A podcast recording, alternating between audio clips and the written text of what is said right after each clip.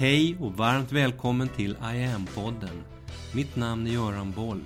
Här kommer jag varje vecka att presentera, utveckla tankar kring och polera på en ny facett av denna märkliga, mäktiga ädelsten vi kallar yoga.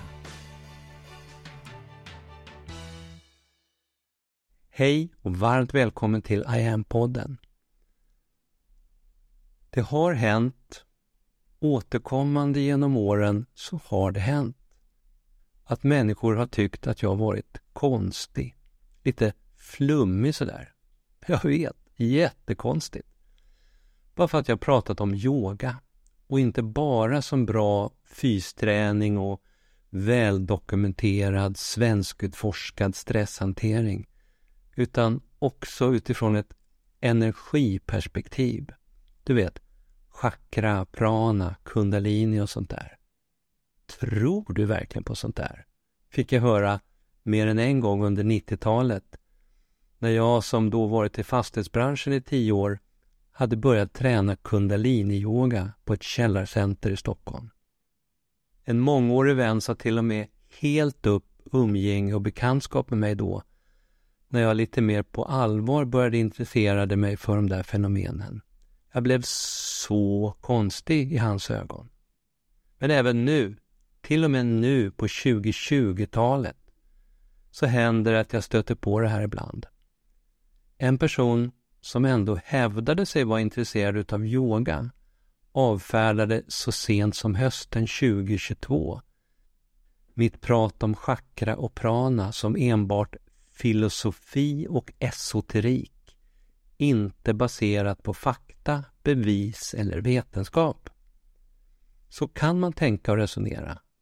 Speciellt om man helt har missat de senaste hundra åren av kvantfysiska experiment och kvantfysikens tankar om verklighetens sanna natur formulerade av några av 1900-talets allra skarpaste vetenskapliga hjärnor. Typ Einstein, Heisenberg, Schrödinger, Planck och Bohr. Alla nobelpristagare som själva, flera av dem, inspirerades av yoga, vedanta och dessa systems djupare filosofiska energitankar när de utformade ramarna för den moderna kvantfysiken på 1900-talet. Man kan naturligtvis tycka och tro om man vill. Fast nu var det inte så mycket att jag trodde på det där med chakra och energiflöden. Nej, jag hade själv i en lång morgonmeditation under en yogavecka i Värmland sommaren 1994 haft en väldigt konkret, oerhört djupt transformerande, hjärtöppnande, helt egen upplevelse av sån där energi. En så kallad kundaliniupplevelse. Så det handlade inte om tro för min del. Det handlade om en stark, egen, upplevelsebaserad erfarenhet.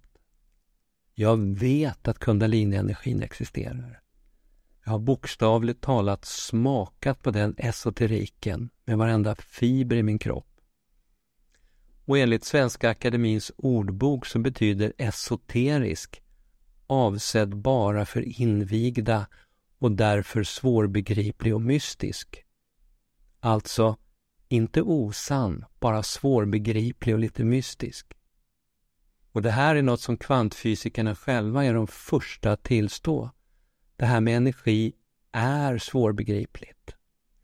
Om man hävdar att man fullt ut förstår kvantfysiken, då har man antagligen inte fattat någonting. Precis så uttryckte sig både Niels Bohr och senare kvantfysikern och nobelpristagaren Richard Feynman i ämnet. Om man hävdar att man förstår kvantfysik, då har man inte fattat något. Men bara för att något är svårbegripligt eller vi inte kan se det, så betyder ju inte det att det bara är flum eller att det inte finns. Vi kan inte se elektricitet, men väldigt få tvivlar på dess existens för det. Vi kan inte heller se de där osynliga ettorna och nollorna i datorn, men vi har inga problem med att acceptera att genom att trycka på en knapp eller två så arrangeras de blixtsnabbt i långa osynliga rader efter varandra. Och vips, magiskt, så kan vi någon sekund senare på skärmen se en tydlig högupplöst bild på Mona Lisa hängande i Louvren. Inga problem, ingen esoterik där. Jag återkommer till det där med datorn igen strax. Ett annat exempel är din andedräkt. Den existerar ju. Intressant benämning förresten, dräkt. Och det osynliga syret i luften som du får i dig när du andas. Det håller dig vid liv på ett sätt och via en process som är inget mindre än helt magisk och verklig samtidigt. Även om du inte kan se den. Molekyler som passerar rakt genom väggar inne i lungorna. Som rider på blodceller genom kilometerlånga blodbanor och sen, som om det satt en adresslapp på dem, strukturerat åker in i och brinner upp inne i cellernas kraftverk, mitokondrierna, där syret sen magiskt transformeras till en helt ny kroppsanpassad energi, så kallad ATP. Så här är det med mycket. Överallt omkring oss så finns det sånt som vi inte kan se och ändå så vet vi att det är verkligt. Vi upplever effekterna av de där ettorna och nollorna och cellbränderna varje dag. Och vi har i skolan och i andra sammanhang fått lära oss att det är på det här sättet. Auktoriteter med akademiska titlar har suttit bakom katedrar och i tv-rutor och sagt så här är det. Och därför tror vi på det. Vad vi ser, förstår och uppfattar och inte av hela verkligheten, det är en fråga om perspektiv. Det är frågan om präglingar och mätutrustning. Utan diverse tekniska hjälpmedel så hör och ser vi bara smala strimmor av hela verkligheten. Det vet vi. Vi ser en pytteliten del av all den elektromagnetiska strålning som finns omkring oss. Vi ser den delen som vi kallar ljus. Den som består av svängningar mellan rött och violett. Övriga våg våglängder, ultraviolett till exempel, som fåglar kan se, de är vi helt blinda för. Vår hörsel ligger mellan 20 och 20 000 hertz. Vi kan inte höra infraljud, inte ultraljud. Medan hundar, katter, elefanter, insekter, igelkottar, delfiner och fladdermöss hör och kommunicerar inom olika delar av även de här frekvensområdena. De pratar med varandra delvis helt utanför vår uppfattningsförmåga. Enligt Donald Hoffman, som är professor i kognitionsvetenskap vid University of California i USA, så har evolutionen utvecklat våra sinnen på ett sätt som ger oss möjlighet att kunna fatta beslut. Beslut som ger oss de bästa chanserna att överleva tillräckligt länge för att hinna skaffa barn. Snarare än att vi ska få någon slags fullständigt korrekt bild av hela den värld vi lever i. Vi tror gärna att det är så, att vi ser massor. Jag ser faktiskt massor. Men det är bara en illusion, bokstavligt talat. Vi ser bara en mycket liten del av helheten. Av de cirka 11 miljoner sensoriska impulser som vi får in i oss varje vaken ögonöppen sekund så blir vi bara medvetna om kanske ett par miljontedelar av dem, 25-50 stycken av 11 miljoner. Resten av all input går obemärkt rakt in i det undermedvetna. Det är lite som med din dator. Ikonerna som du ser på skärmen ger dig en övergripande men illusorisk bild av den underliggande verkligheten bakom skärmen. Under den där fyrkantiga blåvita Facebook-ikonen som du ser så finns där nere under ytan egentligen bara en massa miljarder ettor och nollor som elektriskt snurrar runt i olika logiska kretsar. Man skulle kunna uttrycka det som att det vi upplever av hela verkligheten det är verklighetens mer eller mindre sofistikerade ikoner. Inte själva ettorna och nollorna inte den faktiska underliggande verkligheten, bara ikonerna. Det är naturligtvis att ta, bra att ta även ikonerna på allvar. Men det betyder inte att vi ska tolka intrycken som vi tar in såsom bokstavligt objektivt sanna. Det är ju bara ikoner. Så här ser det ut i våra liv. Vi befinner oss väldigt mycket uppe på tillvarons yta. En del av oss är mer begåvade än andra på att uppfatta sånt som man inte kan se.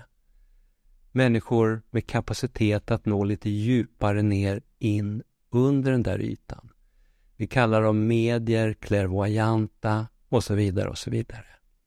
Men om vi alla skulle få tillgång till bra, till bättre verktyg för att öppna upp oss själva för större, vidare, djupare perspektiv, då skulle vi också alla mycket bättre kunna börja uppfatta och uppleva en mycket större del av hela den där verkligheten. Fler av de där 11 miljonerna informationsbitar.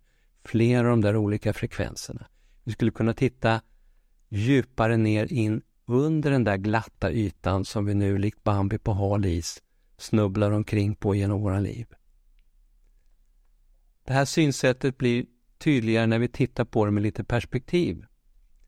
Det fanns ju till exempel en tid när jorden var universums medelpunkt. Ja, alla auktoriteter sa att det var så. Universums medelpunkt, det är planeten jorden.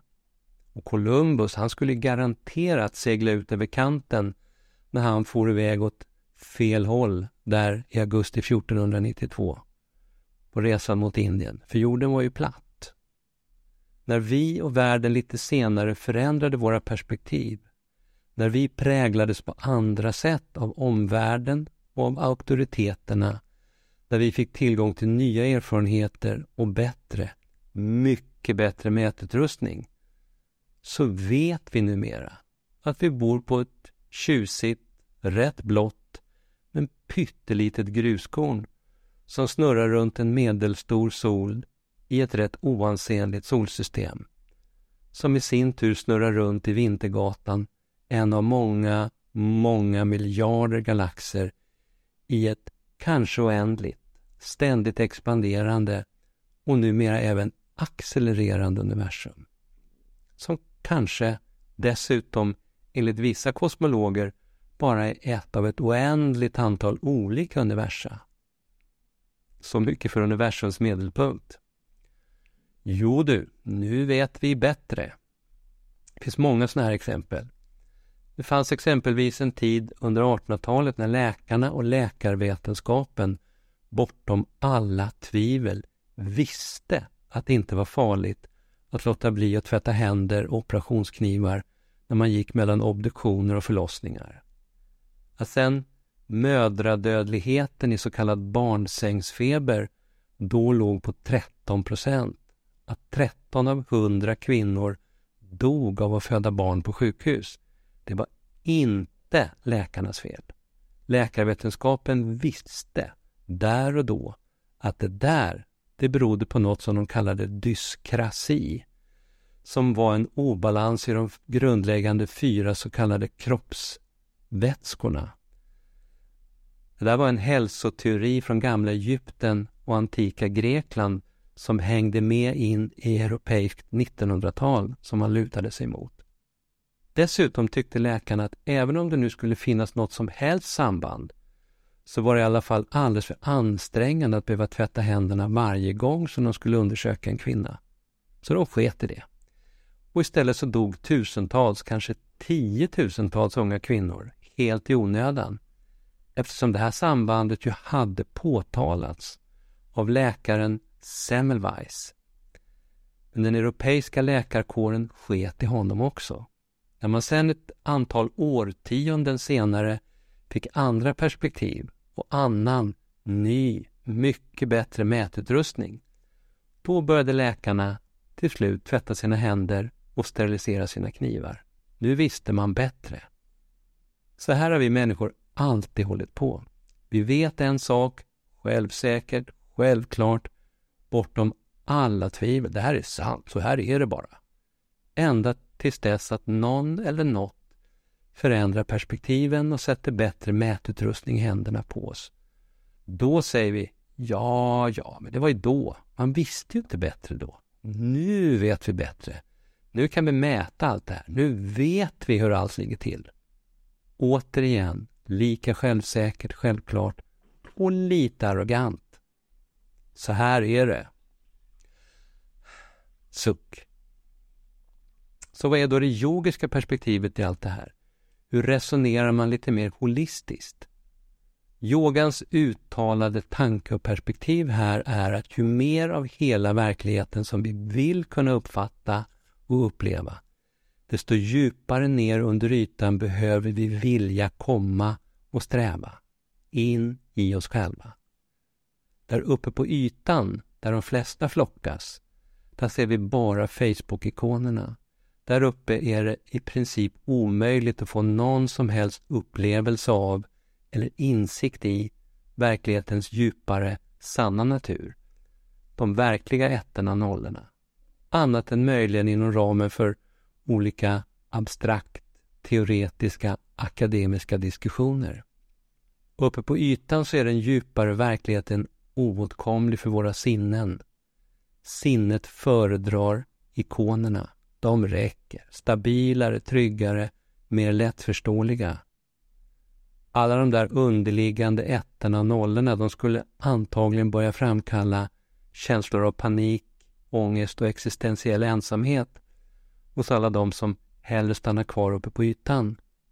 Yoga och andra holistiska discipliner har i år årtusenden sagt att för att förstå och komma i kontakt med det där underliggande, den där underliggande verkligheten, den som finns djupt inom var och en av oss, som är själva kärnan i det egna djupet, då behöver vi släppa sinnet, mindet, den del som tror att sinnet är jaget och våga gå bortom, innanför tankarna, stilla oss själva och hitta, titta djupare in, lyssna in i tystnaden.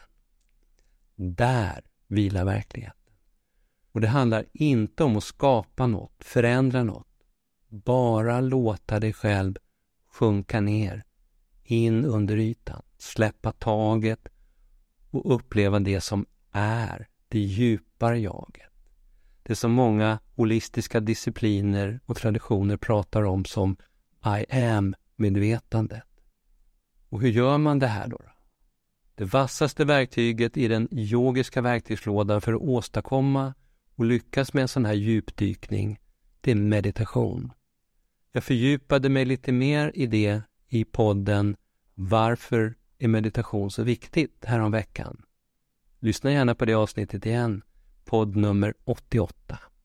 Meditation är tillsammans med yoga något väldigt speciellt, djupt fundamentalt mänskligt och oerhört viktigt på så många plan.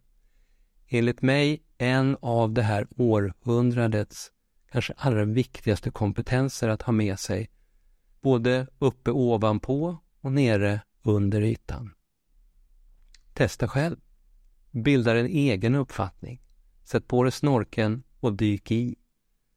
Ta gärna hjälp av IAMs hemsida iamyoga.online.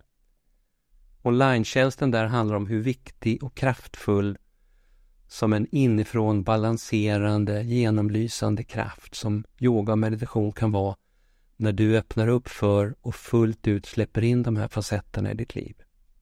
Hela sajten, hela tjänsten som syftar till att spegla de centrala aspekterna av vad yoga och meditation är och kan vara. Hela den här verktygslådan finns och fortsätter att utvecklas nu och under åren framöver. Här kan du i lugn och ro utan förpliktelse testa I am på egen hand. Första månaden är helt kostnadsfri och det är ingen bindningstid. Här finns, utöver den här podden, mycket att välja på. Hundratals yogapass, över 90 olika meditationer att välja mellan. Du kan prova ett enstaka guidat andetag, korta sekvenser, du kan gå utbildningar, lyssna på vacker mantramusik eller gå på en enskild yogasession med mig. I bloggen den här veckan så hittar du också länkar till en del av det som jag har beskrivit här i podden idag. Varmt välkommen att testa en av det här århundradets allra viktigaste komponenter, tänkte jag säga, kompetenser. Vi hörs! Mitt namn är Göran Boll Det var jag som skapade Medyoga och grundade Medyoga-institutet.